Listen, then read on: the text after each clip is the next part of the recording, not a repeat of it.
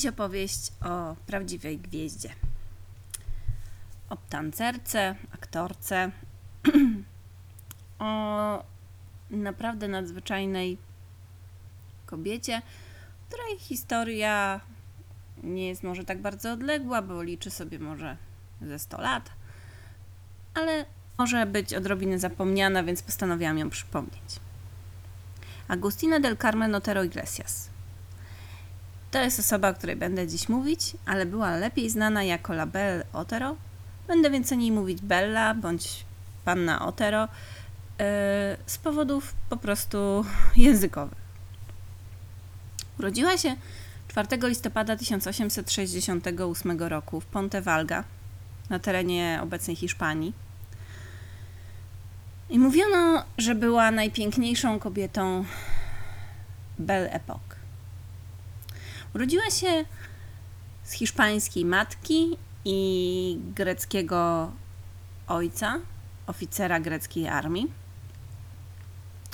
Ale krótko po porodzie ojciec porzucił rodzinę i zostawił matkę, by wychowywała ją samą, jak to ojcowie często miewają z zwyczaju. Rodzina była bardzo biedna. Otero była bardzo szybko, już jako dziecko, zmuszona opuścić dom i by pracować jako pokojówka dla bogatej rodziny w Santiago de Compostela. Kiedy pracowała tam, kiedy żyła w Santiago de Compostela, zdarzyło się coś, co zaważyło w pewnym sensie na całym jej życiu. Została zaatakowana. Nie mogę użyć słowa na G ze względu na algorytmy YouTube'a, ale chodzi mi o zmuszenie do kontaktu seksualnego, bardzo brutalne. I miała wtedy tylko 10 lat. Zaatakował ją szewc. Zrobił to tak brutalnie, że po tym, co zrobił, porzucił ją poranioną potwornie, ze zmiażdżoną miednicą na poboczu drogi niedaleko miejscowości Walga. Kiedy Agustina, późniejsza Bel Otero, została przyjęta do szpitala w Santiago, raport szpitalny z 1879 roku mówi, że było to potworne, brutalne skrzywdzenie. Podstawcie tu sobie to słowo, które powinno się tu znaleźć, ale nie mogę go użyć. Dziewczyna została w związku z tym mm, bezpłodna do końca życia. Ponieważ jako ofiara napaści ona spotkała się oczywiście z niechęcią społeczną, więc mając lat 12, opuściła wioskę, ponieważ otoczenie ją odrzuciło jako, nie wiem, najwyraźniej winną tego, co jej się stało. Nigdy więcej do tej wioski nie wróciła. E, w wieku lat 14, czyli dwa lata po tym, jak uciekła z wioski, cztery lata po tym potwornym zdarzeniu na poboczu drogi, spotyka Paco. Paco był tancerzem i nauczył ją tańczyć i włączył ją do swojej grupy tanecznej. U, po, przyłączyła się do niego jako jego uczennica czy partnerka także jednocześnie, ale mieli ze sobą pewien układ. Paco zaproponował prostą rzecz. On jej udostępni scenę, a ona będzie i będzie jej umożliwiał zarobek jako tancerka i jako pani do towarzystwa, ponieważ w tamtych czasach trochę często szło to w parze. A przypominam, ona ma 14 lat. Więc udaje się z Paco do Lizbony. Paco udostęp... ponieważ ona była nadzwyczajnie piękna i nadzwyczajnie powabna. Na dodatek miała wielką zaletę jako kurtyzana.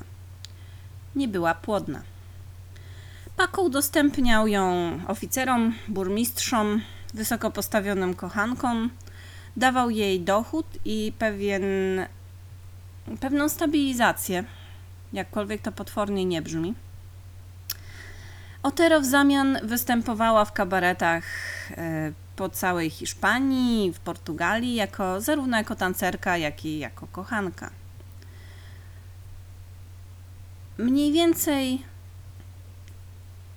przez 6 lat, od 1883 do 1889 roku, prowadziła takie nomadyczne życie tancerki razem z Paco do momentu, kiedy Paco przestał chcieć dzielić się z Bell, Bellą z kimkolwiek innym. Chciał, by się z nim ożeniła, porzuciła swoją karierę jako tancerka i została panią domu. Otero nie była tym zainteresowana.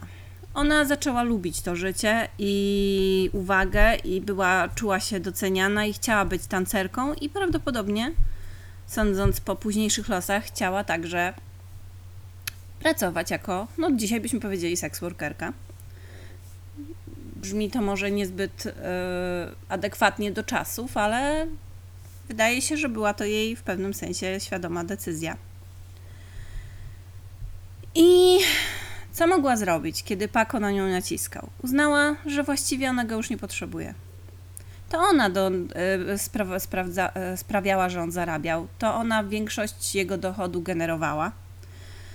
I zdecydowała, że poradzi sobie bez Paco. I była gotowa, by opuścić go. W związku z tym oddaliła się, uciekła, odeszła. Trudno powiedzieć, jak to, to rozejście przebiegało od Paco i została tancerką nieprawdopodobnie wręcz podobno utalentowaną. Udała się do Barcelony, mając lat 20 i znalazła w Barcelonie w 1888 roku sponsora. Nazywał się Ernest Jurgens, który chyba się w niej trochę zakochał, ale zapewnił jej fundusze, by przeprowadziła się na chwilę do Marsylii, gdzie promował jej karierę jako piosenkarka i tancerka we Francji. Jurgens był e, menedżerem teatru e, i kiedy właśnie zobaczył Otero po raz pierwszy, był bardzo w jego profesjonalnej ocenie stwierdził, że jest tak piękna i utalentowana, że musi być jakby przez niego zatrudniona. I Otero oczywiście przyjęła to, mm, tę propozycję z wdzięcznością, ponieważ zaczynała swoją drogę pierwszy raz samodzielnie bez Paco. Jednak jak oczywiście, co mogła co, co się, jak się zaczęła cała znajomość Belli z Jurgensem? Otóż Bella naturalnie e, zaprosiła go do sypialni i okręciła go wokół swojego małego palca. Nie tylko Jurgens e, zatrudnił nieznaną tancerkę na wieloletni kontrakt teatralny, ale zgodził się także na wysoką garzę co zapewniło Otero przyszłość. To był początek życia e, Label Otero jako międzynarodowej gwiazdy. Jak Jurgens zaczął? Jurgens postanowił, by Bell zadebiutowała w Nowym Jorku. Nakręcił olbrzymi, jakbyśmy powiedzieli, hype e, przed jej przyjazdem. Przez całe miesiące ludzie słyszeli o wielkiej Belle Otero, tajemniczej hiszpańskiej piękności, międzynarodowej królowej tańca.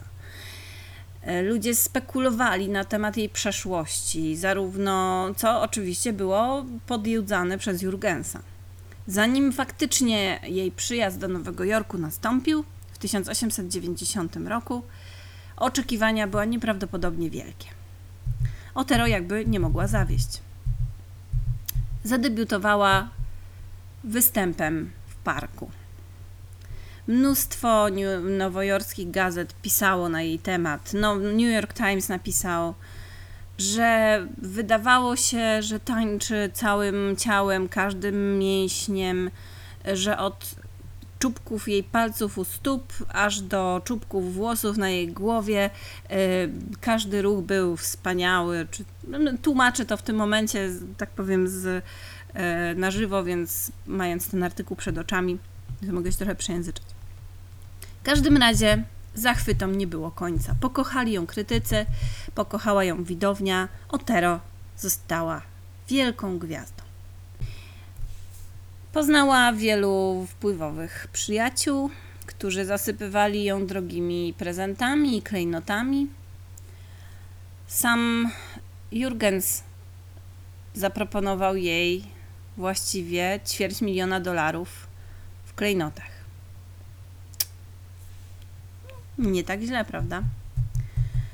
Także jak tylko jej sława rosła, Otero znów pomyślała, że nie potrzebuje kolejnego mężczyzny, który będzie nią zarządzał, zaczęła się oddalać od Jurgensa.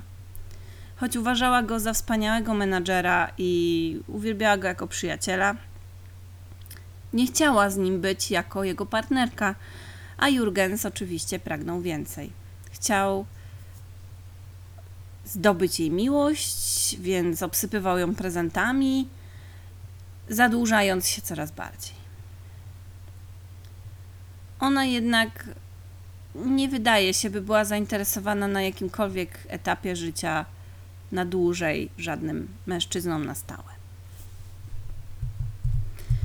Label Otero widziała, że mężczyźni są gotowi płacić nieprawdopodobne pieniądze za tylko jedną noc w łóżku razem z nią.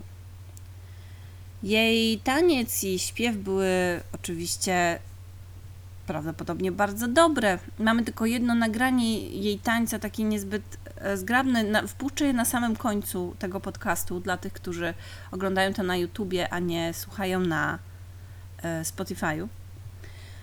Ale mm, prawdziwe pieniądze nie zarabiała na tańcu i śpiewie, ale na tym, co się działo po występie, gdzie zapraszała mężczyzn, których było na to stać, bo miała bardzo wysokie stawki, na jedną noc ze sobą w sypialni.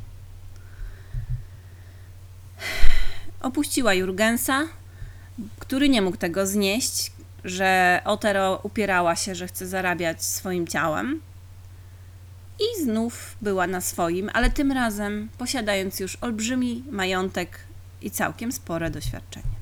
Mijają dwa lata. Label Otero podróżuje po świecie, dociera do, z występami do Sankt Petersburga, gdzie za całkiem sporą fortunę proponuje bardzo możnym mężczyznom noc ich życia. E, ale jej występ w Sankt Petersburgu był podobno tak dziki, że został niezapomniany. Ośmiu mężczyzn wniosło ją do sali na srebrnej tacy i mężczyźni byli podobno tak oszołomieni jej pięknem, E, że oferowali milion rubli i błagali, by ich nie zostawiała. Milion rubli później e, tancerka postanowiła z powrotem udać się do Paryża. Sierpniu 1892 roku powraca do Paryża i zaczyna występować w Debal Tabarin, który był tak zwanym Pleasure Palace. Możecie się domyślać o co chodzi. Był to powiedzmy, że kabaret, ale kabaret z dodatkowymi atrakcjami. Słynny ze swojego mm, gry wędkarskiej Fishing Game, która polegała na tym, że dżentelmeni, jeżeli możemy tak powiedzieć,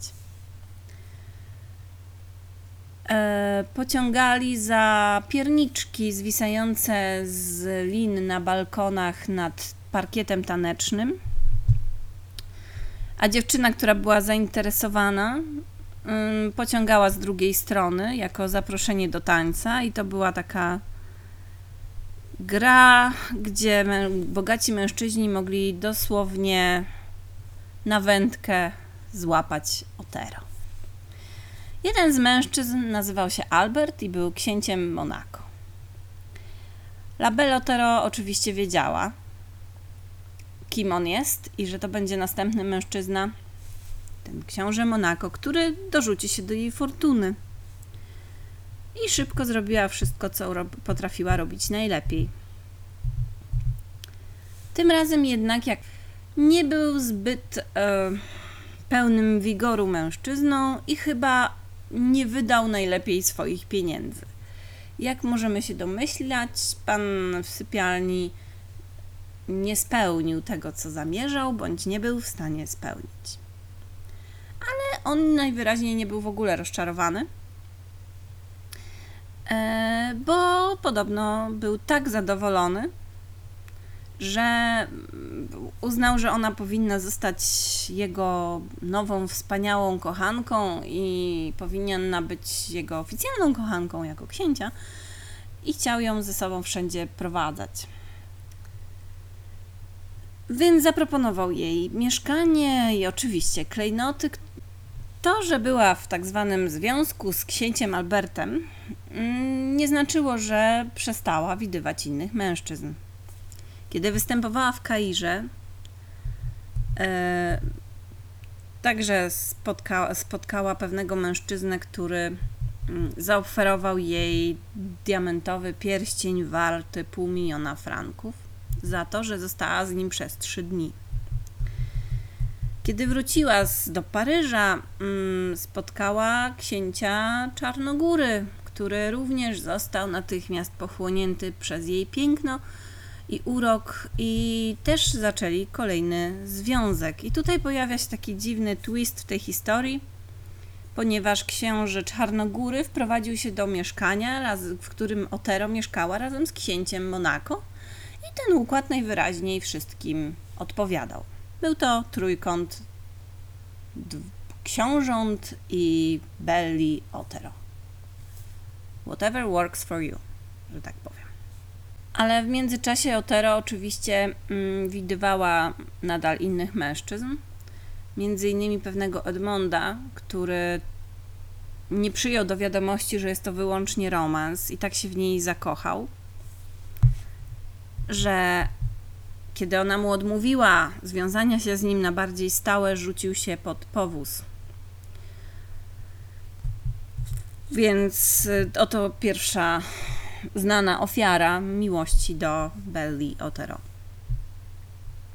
Otero była zasmucona y, jego gwałtownym końcem.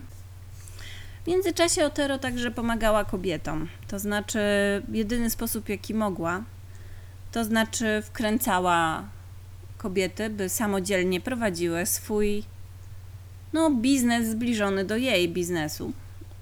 Ale robiły to na własny rachunek, co było prawdopodobnie bardzo wyzwalające, biorąc pod uwagę fakt, że wiele z nich było często po prostu wykorzystywanych e, do zarabiania pieniędzy przez mężczyzn. Wiadomo na pewno o ni- niejakiej Lizette, którą Otero poznała w barze i uważała, że ta marnuje swoje talenty i przed, pomogła jej dokonać pewnego, powiedzmy, makeoveru. Nauczyła ją wszystkiego, co wie, jak się ubierać, jak chodzić, jak występować, jak się malować i oczywiście jak zadowolić mężczyzn. E, mało tego, na, naraiła Lizette księciu Albertowi jako stałą kochankę, ponieważ jakby miała z księciem Albertem już doskonały układ. Był to znakomity sukces i dla Otero i prawdopodobnie także dla Lizette, która wcześniej tułała się po jakichś barach. W pewnym momencie po wielu sukcesach w Nowym Jorku, Paryżu, Londynie, Sankt Petersburgu, e, Otero postanowiła podbić Włochy. Udała się do Włoch i reakcja Włoch na występy pięknej Belli zszokowała ją. Jej widownia absolutnie jej ją znienawidziła. W Bolonii tłum dosłownie wybuczał ją na scenie i nie przyjęła tego dobrze. Wróciła więc z Bolonii poirytowana do Paryża, gdzie znowu spotkała się z Jurgensem. Był rok 1896. Jurgens przybył do jej hotelu Był podobno w bardzo żałosnym stanie. Chciała mu pomóc, y, ale skończyło się to właściwie tragedią. Po- Ponieważ Otero była, kiedy on przyszedł, zajęta gośćmi, poprosiła, by on wrócił do niej później. On odpowiedział jej dziwną ciszą, ale nie myślała o tym za wiele wtedy.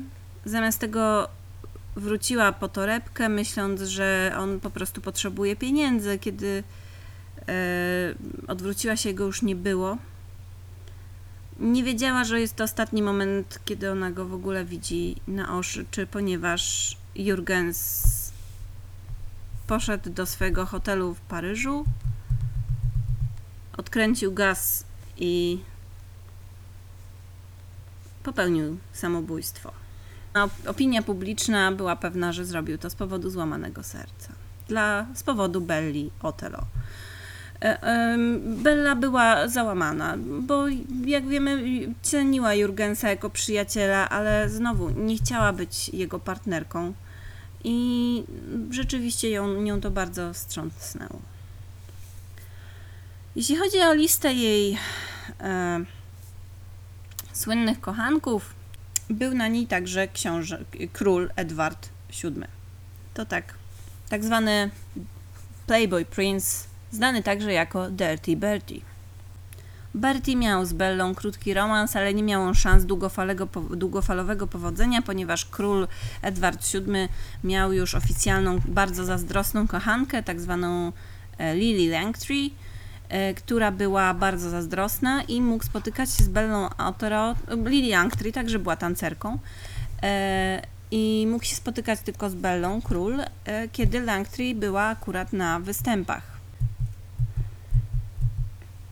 Miała także e, romans z e, księciem Nikolajem Nikolajewiczem e, i jego bratem Piotrem.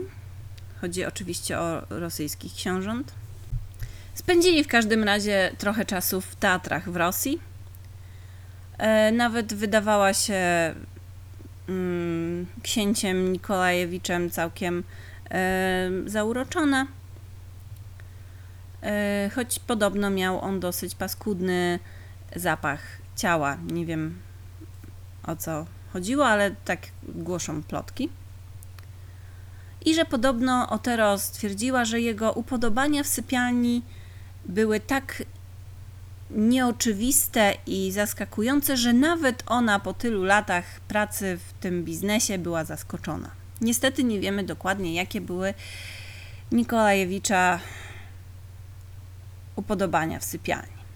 W, tym, y, w 1898 roku książę Albert y, jeszcze mm, swoją drogą podjął taką dosyć szokującą decyzję, by jeszcze raz zabrać Belle Otero do Monako ze sobą. Ona wiedziała, że to jest błąd, ale nie bardzo miała wybór, bo kiedy książę o coś prosi, to trochę trudno mu odmówić. Niemniej jej obawy spełniły się, ponieważ kiedy przybyła z księciem Albertem do Monako, żona księcia Alberta jakby namówiła lokalne władze, by eskortowały Otero do granicy i ją wyrzuciły z kraju. I to był chyba koniec już ostateczny tego romansu z księciem Albertem. Rok później, w 1899 roku, e, Monako z kolei zaprosiło Belle Otero do swoich kasyn jako e, gościnie. Bo rozumiecie, Monako to nie jest duży kraj. A spęd- wydawała tyle pieniędzy na, hazardow- na hazard e, w ich kasynach, że wpływały, że jej, że tak powiem, ekstradycja wpłynęła realnie na ekonomię kraju. W 1900 roku e, Bella Otero była już właścicielką nieprawdopodobnej fortuny. Jej fortuna w tym czasie podobno wynosiła około 16 milionów dolarów, co w tamtych czasach to już w ogóle była kwota prawie niewyobrażalna. Niewiele czasu jednak minęło i Bella Otero, uzależniona prawdopodobnie od hazardu, zdołała całą tą olbrzymią fortunę przegrać. Potrzebowała cudu. No, cudem, co mogło być cudem? Cud przyszedł do niej w postaci oczywiście księcia Nikolajewicza, króla Mikołaja, króla Czarnogóry i bogatego amerykańskiego mężczyzny. Zrzucili się na czteropiętrowy kamienny dom we Francji i wiedziała, że nie może już polegać na swoim dobrym wyglądzie, ponieważ latka leciały. Bardzo szybko stała się nie tyle podziwiana, ile stała się czymś w rodzaju publicznego dowcipu. Z powodu bardzo niepra- nie, nie wiem, no smutnego powodu, mianowicie uważano, że jest już stara, że się starzeje. I uwaga, w 1903 roku miała 34 lata i wtedy już zaczęto mówić, że jest stara i powinna przestać się ośmieszać. W czasie paryskich występów e, publika krzyczała: Halo babciu, gdzie, jak tam twoje stare kości? E, I tym podobne rzeczy. A przypominam, ma 34 lata i jest na pewno wciąż piękną kobietą, bo mamy jej zdjęcia. Jej zdjęcia będziecie mogli tutaj w trakcie podcastu oglądać. Musiała zmienić ścieżkę kariery, jeśli chciała nadal odnosić sukces.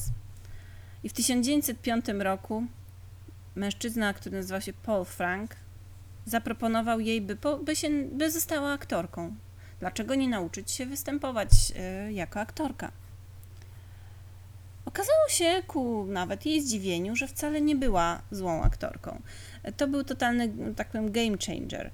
Co prawda jej prawdziwa pasja i pragnienie to było zaśpiewać w operze, co wykonała raz, ale nie miała wykształcenia muzycznego. Jej głos jako śpiewaczki kabaretowej się sprawdzał, ale śpiew operowy to zupełnie inna rzecz. I wystąpiła w operze w 1909 roku. Mimo po paru latach e, treningu E, więc to nie jest tak, że była całkiem pozbawiona pojęcia o tym, jak to działa. Była naprawdę pracowita. Przez parę lat trenowała do tego jednego występu i zagrała w 1909 roku Carmen. Tylko dwa razy. Chociaż widownie i krytycy kochali ją, bo było to całkiem nieźle jak na 43-latkę. Ale jej czasy jako performerki jakiejkolwiek dobiegły końca. Sama mówiła, że ona była niewolnicą swoich pasji, a nie mężczyzn, że nigdy nie pozwoliła sobie na to, by być czyjąkolwiek własnością. Być może wpłynęło to, to pierwsze jej potworne doświadczenie z tym e, szewcem, który ją tak skrzywdził jako dziecko na to, że postanowiła nigdy nie dać się zdominować żadnemu mężczyźnie i sama była królową swojego losu. I nigdy, tak jak sama mówiła, nigdy nie obiecywała wyłączności żadnemu mężczyźnie. Jak wiemy, e, nawet książęta ulegali temu, e, tym, tym jej warunkom, by być chociaż przez chwilę przy niej, mieszkając razem z nią podczas gdy ona no, pracowała po prostu tak, jak lubiła. Mówiono, że była muzą Renoira, nawet przez chwilę, że kopuły na francuskim hotelu w Cannes Intercontinental, Intercontinental Carlton Hotel były inspirowane przez jej piersi ponieważ architekt tego hotelu, Charles Dalmas, był, miał na jej punkcie absolutną obsesję. Jej dobra przyjaciółka, pisarka Colette, y, y, napisała w swojej książce, że jej piersi były zadziwiająco kształtne, przypominały cytryny, lekko przedłużone, jędrne, a cutki sterczały w górę. W sierpniu w ogóle 1898 roku w Petersburgu francuski operator filmowy Felix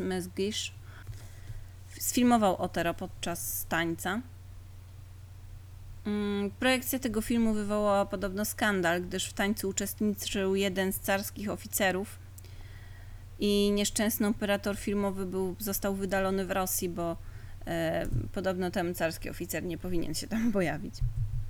Otero przeszła właśnie na cudzysłów emeryturę po I wojnie światowej, kiedy porzuciła show biznes, zamieszkała w Nicei.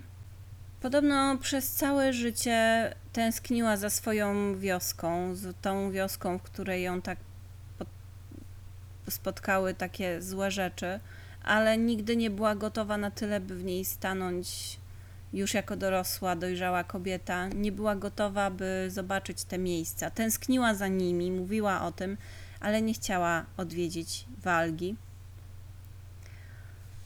Zmarła w 1965 roku, mając lat 97, na atak serca w swoim jednopokojowym mieszkaniu w Nicei. Jej sąsiadka mówiła, że ciągle opowiadała o swojej przeszłości i że nikt już nie chciał tego słuchać. To było zawsze to samo. Tu ksią- książęta, szampan, uczty. Jak kiedy, kiedy Otero wspominała swoje życie już jako stara kobieta, e, że mówiła, że kobieta ma jedną misję w życiu być piękną. Kiedy zostaje stara, musi się nauczyć, jak tłuc lustra. Bardzo delikatnie oczekuje na śmierć. Żyła długo, miała życie nadzwyczajnie bogate. Nie wiemy, jak spędzała czas te, te kilkadziesiąt lat po tym, jak odeszła z show biznesu. Ponieważ kobieta, kiedy się zestarzała, przestano się nią interesować, kochankowie też przestali ją opłacać. I taka jest ciekawa historia Belli Otero. Gwiazdy Belle Époque. Jednej z najpiękniejszych, podobno, kobiet w dziejach.